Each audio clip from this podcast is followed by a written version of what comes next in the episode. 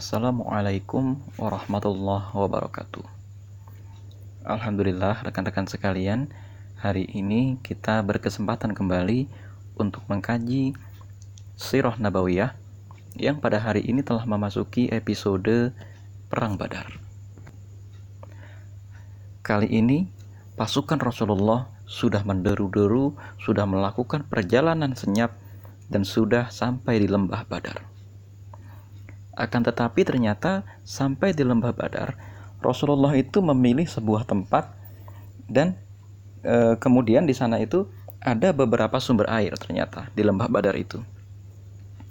Nah, kemudian para sahabat Nabi pada saat itu ada sebagian di antara mereka kaum Ansor yang mereka itu pernah mengalami perang Buat.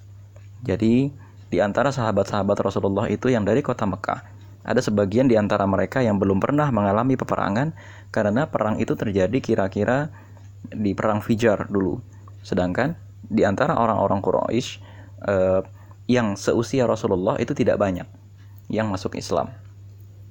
Lalu di kalangan orang-orang Ansor ada orang-orang yang pernah ikut perang Buat sehingga pengalaman mereka ketika berperang itu lebih kaya.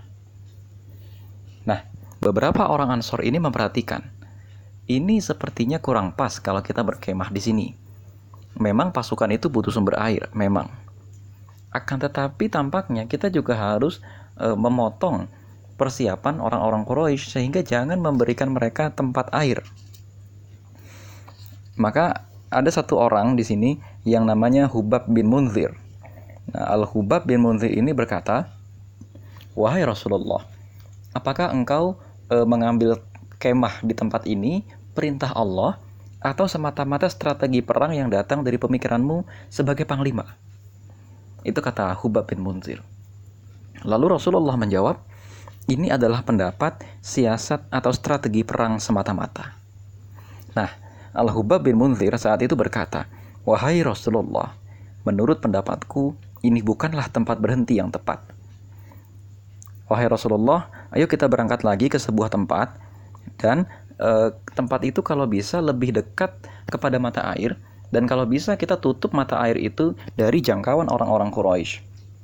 Sehingga orang-orang Quraisy tidak bisa mendekati mata air itu dan kita tutup sumur-sumur yang ada, kita hancurkan sumur-sumur yang ada dan kita membuat sebuah telaga, lalu telaga itu kita isi air. Dan dari air itulah kita minum, sedangkan mereka tidak bisa minum dari sumur-sumur yang sudah kita hancurkan itu. Nah, ini strategi perang.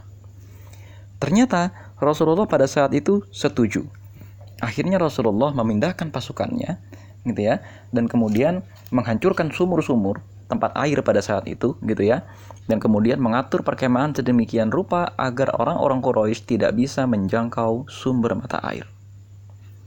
Rekan-rekan sekalian, di sini ada pembelajaran dakwah yang menarik sekali.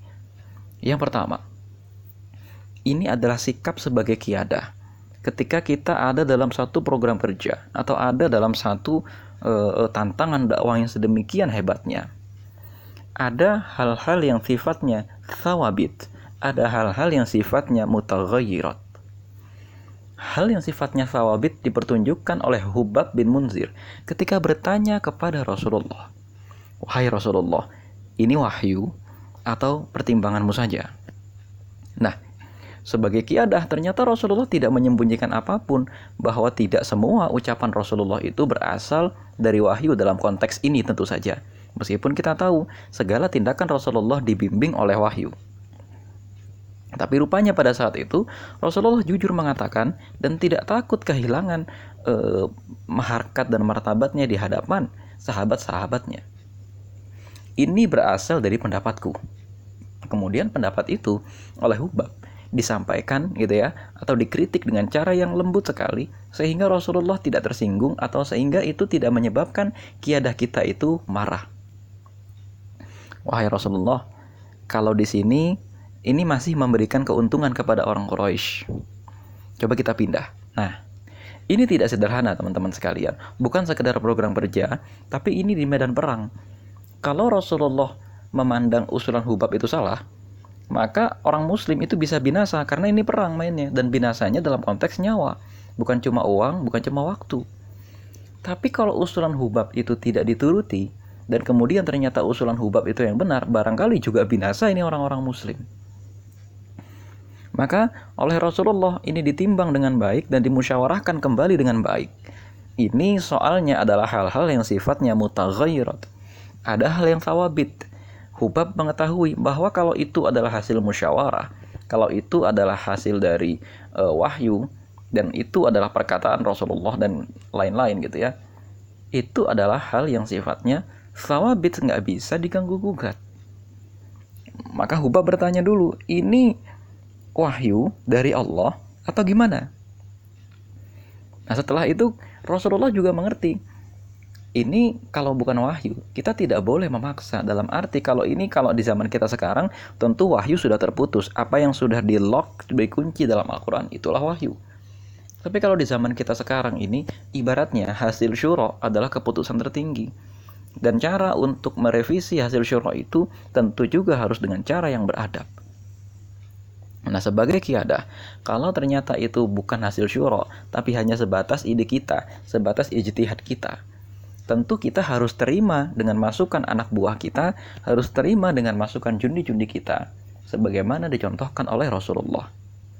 Nah, sekarang sebagai jundi, kalau kita ini ada di sikap atau ada di pihaknya Hubab bin Munzir, bagaimana cara kita mengkritik kiadah? Kadang kita itu ada di posisi yang tidak sabar. Ya, ketika kita mengkritik kiadah itu eh, kita mengkritik oh seolah-olah nih kiadah paling bodoh apa segala macam gitu ya. Sedangkan Hubab bin Munzir itu sopan sekali pertanyaannya. Ini wahyu atau bukan? Nah, rekan-rekan sekalian, ini e, bisa menggambarkan ya satu adab-adab dalam menyampaikan usulan. Kalau memang itu sudah hasil syuro, ya sudah. Kalau memang itu sudah keputusan dari Rasulullah melalui perintah Allah, ya sudah. Tapi kalau ternyata ini adalah strategi semata, ini adalah ijtihad dari pemimpin semata, ayo kita musyawarah karena menurut saya ada sesuatu yang lebih baik daripada itu semua. Itu hikmah yang pertama. Hikmah yang kedua, kalau kita mempelajari pendapat Jenderal Syed Mahmud Khattab ketika beliau mengulas sebuah uh, kitab sirah gitu ya judulnya strategi militer Rasulullah dalam peperangan beliau menegaskan dengan baik bahwa sumber kekalahan orang-orang Quraisy adalah mereka tidak punya sumber mata air dan juga diceritakan di dalam kitab-kitab sirah bahwa ada beberapa budak yang diperintahkan oleh orang-orang Quraisy untuk mengambil sumber air minum tapi ternyata budak-budak itu malah ditangkap oleh Rasulullah jadi budak ini tersergap gitu ya. Karena memang Rasulullah mengambil tempat di dekat sumber mata air. Meskipun akhirnya orang-orang Quraisy diizinkan oleh Rasulullah untuk mengambil sumber mata air dan tidak dilarang. Ini menunjukkan betapa pengasihnya Rasulullah. Tapi yang menjadi persoalan di sini adalah kadang-kadang kita itu sebagai seorang juru dakwah itu minim strategi. Kita lihat yang nyuruh Rasulullah untuk berangkat perang itu yang menjamin Rasulullah untuk berangkat perang ya itu adalah Allah sendiri dalam surat Al-Anfal ayat 5 sampai 8. Nah, sebagaimana Tuhanmu menyuruhmu pergi dari rumahmu dengan kebenaran. Padahal sesungguhnya sebagian dari orang-orang yang beriman tidak menyukainya dan seterusnya. Ini menunjukkan bahwa Allah itu sudah menetapkan di perang Badar, engkau pasti menang. Berangkat aja dulu. Nah, tapi Rasulullah itu tidak kemudian berpangku tangan dengan mengatakan ini insya Allah karena Allah yang nyuruh dari pasti menang. Karena Allah yang sudah menjamin kemenangan kita, karena kita ini demi dakwah, insya Allah pasti menang. Nah, keyakinan Rasulullah yang semacam ini adalah keseimbangan antara ikhtiar dan doa. Antara pemahaman bahwa Allah lah yang memang menetapkan segala musibah dan Allah juga yang menetapkan segala kemenangan akan tetapi Allah memerintahkan kita untuk berusaha dan memenuhi sebab-sebab terjadinya kemenangan dakwah tersebut. Rekan-rekan sekalian, beberapa di antara kita sekarang itu kalau berdakwah terkesan menggampangkan strategi, terkesan menggampangkan hati orang-orang yang akan menjadi madau kita terkesan menggampangkan keberhasilan sebuah program kerja tanpa kemudian melalui sebab-sebab yang betul-betul dirancang agar kita bisa menang. Kita mempersiapkan program kerja misalnya, tapi ternyata kita masih berlalai-lalai. atau kita mempersiapkan sesuatu untuk suatu pekerjaan dakwah, tapi ternyata dalam proses syuro kita tidak mendengarkan perkataan anak buah kita. Atau yang lebih sederhananya lagi, rekan-rekan sekalian, misalnya kita sedang ada dalam satu pekerjaan program kerja, tapi seakan-akan kita menggampangkan prosesnya, seakan-akan segala sesuatu jadi mudah. Ya, kita tidak mempersiapkan biayanya, kita tidak mempersiapkan mental kader-kadernya, kita tidak mempersiapkan orangnya dengan jumlah yang cukup, kita tidak mempersiapkan tempatnya dan lain sebagainya, kita menjadi orang-orang yang minimalis ketika bekerja, kita menjadi orang yang loyo ketika berusaha. Apa yang terjadi? Barangkali kemenangan dakwah yang lama ini atau barangkali lambatnya orang-orang bergabung ke dalam barisan kita atau barangkali sulitnya kita ketika berjuang diakibatkan bukan karena Allah ingin menguji kita, tapi diakibatkan karena kita lalai mempersiapkan segala hal yang dibutuhkan untuk menang. Kadang nanti ketika kita evaluasi, kenapa program ini gagal? Wah, terus kita sedikit-sedikit gitu ya, nyeretnya ke hal-hal yang sifatnya rohani. Iya nih kita kurang sholat, iya nih kita kurang ini kurang begitu, iya nih kita kurang memaafkan, iya nih kita kurang begini akan tetapi kadang-kadang ketika kita mengevaluasi jarang kita tuh melihat secara objektif bahwa ternyata kita itu kurang melampaui atau kurang melakukan tahapan-tahapan yang diperlukan serta tidak mempersiapkan sebab yang dibutuhkan agar kita bisa menang. Itu pelajaran yang kedua. Selain pelajaran yang pertama tadi, kita kapan bisa menentukan hal yang sawabit, kapan menentukan hal yang mutaghayyirat Sawabit itu hal yang kaku yang tidak bisa diubah, prinsipil. Sementara mutaghayyirat adalah hal yang bisa dimusyawarahkan kembali. Nah, hal yang kemudian bisa kita analisis, kemudian bisa kita modifikasi sesuai dengan kenyataan yang sedang kita hadapi. Pelajaran yang kedua adalah kita di sini belajar mempersiapkan bagaimana sebab-sebab keberhasilan kemenangan dakwah itu bisa kita ciptakan sebelum kita betul-betul dimenangkan oleh Allah. Contoh yang paling sederhana, contohnya begini. Ini di masa-masa PSBB misalnya, ini di masa-masa lagi kita dikunci di rumah masing-masing, tidak bisa melakukan pembelajaran atau perkuliahan. Nah, ternyata sampai di sini gitu ya, banyak orang-orang memfokuskan kepada kajian-kajian yang sifatnya tidak strategis, tapi kajian yang sifatnya konsep. Misalnya begini, nanti di beberapa bulan ke depan akan terjadi penumpukan agenda-agenda dakwah. Jadi kita ngomonginnya strategi. Kebanyakan itu ya, LDK-LDK atau kebanyakan komisariat-komisariat kami, PMII dan lain-lain melakukan musyawarah pergantian kepengurusan ya pada saat e, di semester pertama di setiap e, perkuliahan. Ya di semester ganjil. Itu yang pertama. Yang kedua, Biasanya nanti di bulan Juni, Juli, Agustus, September, dan Oktober diadakan penerimaan kader dakwah yang baru. Mereka berasal dari dua sumber. Yang pertama, dari orang-orang yang sudah mengenal dakwah di dakwah sekolah. Yang kedua, dari orang-orang yang ingin mengenal Islam dengan lebih baik. Mereka adalah orang-orang yang hanif. Mereka adalah orang-orang yang betul-betul ingin masuk ke dalam barisan dakwah ini tanpa prasangka apa pun. Hanya sekarang masalahnya begini, apabila memang pemerintah nanti menetapkan bahwa e, masa karantina wilayah diperpanjang sampai dengan bulan Juni atau Juli dan memang pemerintah sudah mewacanakan hal itu, setidak-tidaknya akan terjadi beberapa hal. Selain dua yang pertama tadi, siswa yang sekarang lulus dari sekolah itu kebanyakan mereka tidak lulus dengan cara berkumpul-kumpul dan para murabbi atau para pembina mereka di dakwah sekolah tidak bisa menyentuh mereka. Tidak ada pertemuan-pertemuan seperti misalnya daurah perpisahan untuk mereka atau daurah untuk melantik mereka menjadi murabbi-murabbi selepas nanti dakwah sekolah. Sehingga nanti mereka tidak bisa kembali ke sekolah, ikatan mereka itu akan kurang.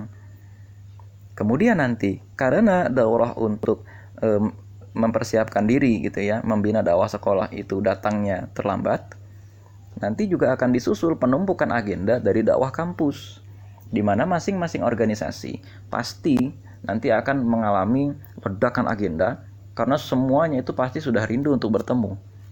Juni, Juli, Agustus, September, Oktober akan menjadi bulan-bulan yang sibuk bagi kader yang terutama merangkap-rangkap jabatan. Maka untuk menyikapi hal ini gitu ya, tampaknya kita sudah perlu e, untuk merapikan jadwal kita masing-masing sebagai bagian dari strategi kita mempersiapkan kemenangan yang dijanjikan oleh Allah. Kadang kita sebagai juru dakwah itu bersikap agak konyol. Seolah-olah kan ini dakwah, pastilah dimenangkan oleh Allah. Kan ini dakwah pastilah nanti jalannya akan dimudahkan oleh Allah. Tapi ternyata Allah memudahkan jalan kita itu caranya bagaimana? Bukan hanya dengan Allah itu menciptakan jalan seperti misalnya kalau pemerintah itu memudahkan orang pergi dari Jakarta ke daerah lain atau memudahkan orang pergi dari rumahnya ke sekolah tentu pemerintah tidak hanya menciptakan jalan pemerintah tidak hanya menciptakan rambu-rambu tapi pemerintah juga memberikan eh, pemerintah berharap kita sebagai masyarakat menggunakan akal kita untuk bisa jalan di situ. Memang sudah ada jalannya, tapi kalau misalnya kita berjalan itu menghindari rambu-rambu, atau ketika kita berjalan itu tidak mengerti lampu lalu lintas misalnya, nggak akan sampai ke tujuan kita. Atau ketika kita melewati jalan itu, kita punya motor tapi kita tinggal dengan alasan pemerintah sudah menetapkan kemudahan-kemudahan, insya Allah kita akan sampai. Nggak begitu. Kadang kita sebagai juru dakwah itu cuma kurang strategi sedikit mikirnya. Karena kita memang terbiasa menyalahkan segala sesuatu yang terjadi kepada Allah. Gagal, ya berarti Allah belum pengen. Atau, wah nih kader-kader kita malah banyak yang keluar. Berarti Allah belum pengen. Bukan begitu. Memang Allah itu mengizinkan atau tidak mengizinkan tindakan manusia. Akan tetapi belum tentu Allah itu ridho sebagaimana ada orang membunuh orang lain tanpa jalan yang benar, Allah mengizinkan dia membunuh, tapi belum tentu Allah ridho. Barangkali kejadiannya adalah kita kurang menggunakan analisis kita untuk bisa menciptakan sebab-sebab logis agar takdir kemenangan itu bisa datang. Dari gambaran saya tadi, teman-teman sekalian, kita tahu gitu ya, bahwa dakwah kampus ini sebentar lagi akan mengalami ledakan agenda dan saya prediksikan kader-kader dakwah kampus ini akan dihambat oleh setidak-tidaknya tiga hal. Satu, kualitas orang-orang yang akan bergabung ke dalam dakwah kampus yang berasal dari mereka yang sekarang masih di dakwah sekolah atau yang baru lulus SMA. Nah, kualitas orang-orang ini tentu saja berbeda dengan orang-orang yang ketika datang ke dalam kampus itu dalam kondisi yang fresh, dalam kondisi yang betul-betul pertemuannya intens. Itu yang hambatan pertama. Yang kedua, saya memang mensinyalir adanya upaya dari lembaga akademik untuk menghambat dakwah kampus dengan berbagai cara. Kalau dulu melalui penerimaan mahasiswa baru, LDK, LDF, atau bermacam-macam gerakan ekstra kampus itu sudah bersiap-siap menyebarkan selebaran selebaran-selebaran yang menjelaskan siapa mereka dan lain sebagainya, kalau sekarang tidak bisa. Karena proses SBMPTN atau proses-proses ujian itu tidak dilakukan di kampus, dan proses penerimaan daftar ulang dan lain sebagainya tidak dilakukan di kampus. Sehingga pertemuan tatap muka antara kita dengan kader-kader yang baru nanti itu juga berkurang. Nah, sehingga hanya orang-orang yang betul-betul mencari organisasi saja nanti yang akan bergabung ke dalam barisan kita. Itu hambatan yang kedua. Hambatan yang ketiga, ketika nanti organisasi-organisasi yang sudah kita ikuti sebelum karantina wilayah menuntut kita untuk syuro, menuntut kita untuk melakukan pengkaderan, dan menuntut kita untuk melakukan program-program. Celakalah bagi mereka yang organisasinya banyak, dan kemudian di bulan yang sama semua organisasi itu mengadakan agenda. Artinya akan terjadi kontraksi agenda, itu kalau bahasanya Pak Gubernur Anies Baswedan. Akan terjadi kontraksi amanah yang menyebabkan kita nanti akan bingung, kecapean, lelah, dan lain sebagainya, sehingga kita mengalami jet lag kita bisa sakit, kita bisa tidak maksimal, dan lain sebagainya. Bukannya keberhasilan dakwah yang kita dapatkan, tapi malah yang kita dapatkan barangkali kegagalan atau konflik yang semakin berlarut-larut karena ketika gerakan dakwah kita ingin melakukan sebuah program kerja, kadernya dan pengurusnya enggak ada. Karena mereka melakukan program kerja di organisasi yang lain. Nah ini eh, rekan-rekan sekalian, e, di antara pelajaran yang dapat dipetik dari kisah Hubab bin Munzir mengingatkan Rasulullah bahwa di tempat itu itu kurang pas untuk e, melakukan strategi peperangan. Di samping itu gitu ya, kita juga tadi membahas mengenai takdir. Ini sebetulnya ada satu cerita lagi ketika Rasulullah itu berjalan menuju lembah Badar. Nah, Rasulullah itu kan kemudian melakukan persiapan, memasang tenda di tempat yang sudah disepakati tadi, gitu ya. Kemudian Rasulullah bersama dengan Abu Bakar As-Siddiq itu keluar ya ke tempat-tempat sekeliling menyelidiki sendiri apa yang terjadi. Ketika Rasulullah bersama dengan Abu Bakar pergi ke sebuah tempat untuk menyelidiki kondisi yang ada, maka Rasulullah itu bertanya kepada seseorang yang ceritanya lagi jalan, tapi orang ini sudah tua, gitu ya. Nah, terus kemudian Rasulullah berjalan, ketemu sama orang tua, terus bertanya, e, Pak maaf, tahu nggak? Katanya di sekitar sini lagi ada dua pasukan. Yang satu pasukan dari Mekah, yang satu pasukan dari Madinah, pasukannya si Muhammad itu. Kata orang tua ini, ya tahu tahu. Tapi kamu siapa ya? Nah itu kata orang tua ini. Maaf ya, kamu siapa ya? Nah Nabi Muhammad tidak menjawab. E, bagaimana kalau gitu ya? Aku jawab di mana mereka, tapi kamu jawab dulu e, siapa kamu?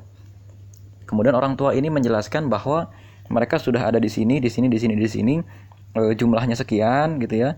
Dan e, berapa hari lalu saya lihat begini, kalau begitu berarti sekarang bisa jadi sudah di sini itu kata orang tua tadi. Lalu orang tua tadi bertanya, kalau begitu siapa kalian? Kami dari air, orang air. Ini Rasulullah melakukan beberapa uh, trik. Rasulullah tidak mau berdusta.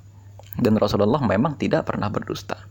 Tapi di sini Rasulullah mengerti, ini lagi mau perang. Maka penting di sini bagi Rasulullah untuk menerapkan kerahasiaan gerakan. Nah, ini ya.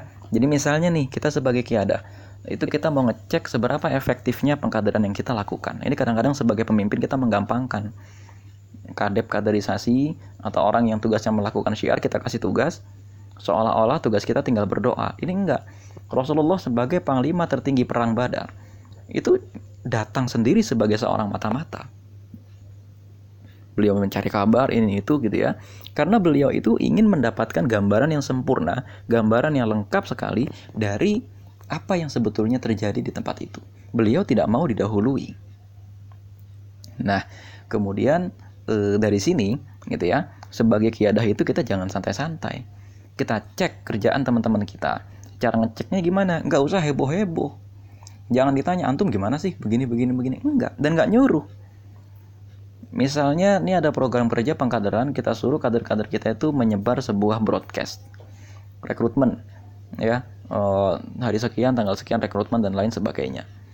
Tentu misalnya cara ngeceknya gimana? Kita tanya ke anak-anak yang uh, tampaknya menjadi uh, konstituen atau tampaknya mereka itu menjadi orang yang ditarget oleh anak buah kita. Kita menetapkan misalnya tolong kirimkan broadcast ini ke seluruh anak fakultas.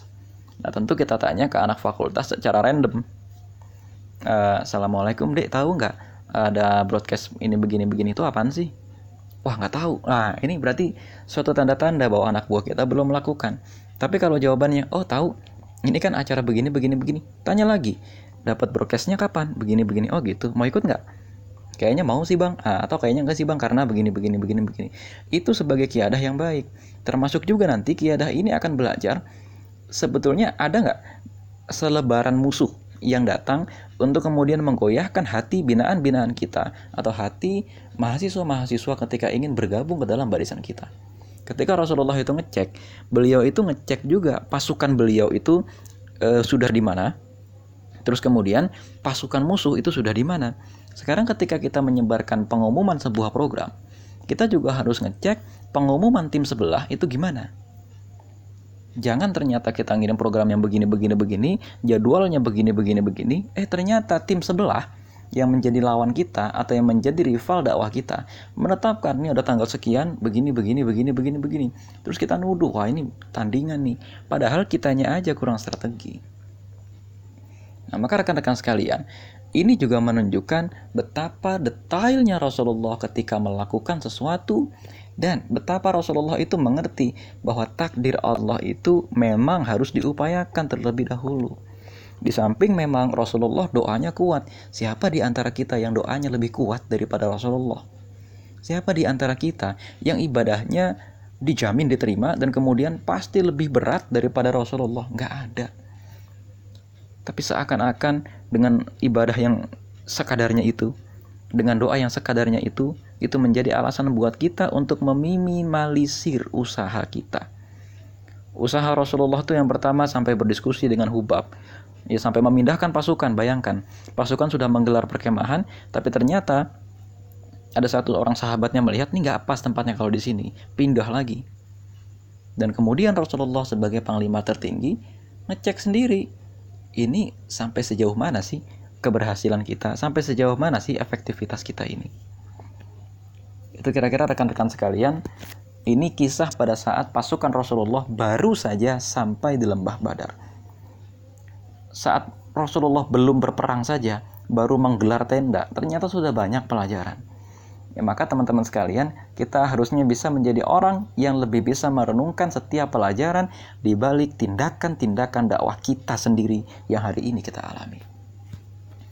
Wassalamualaikum warahmatullahi wabarakatuh.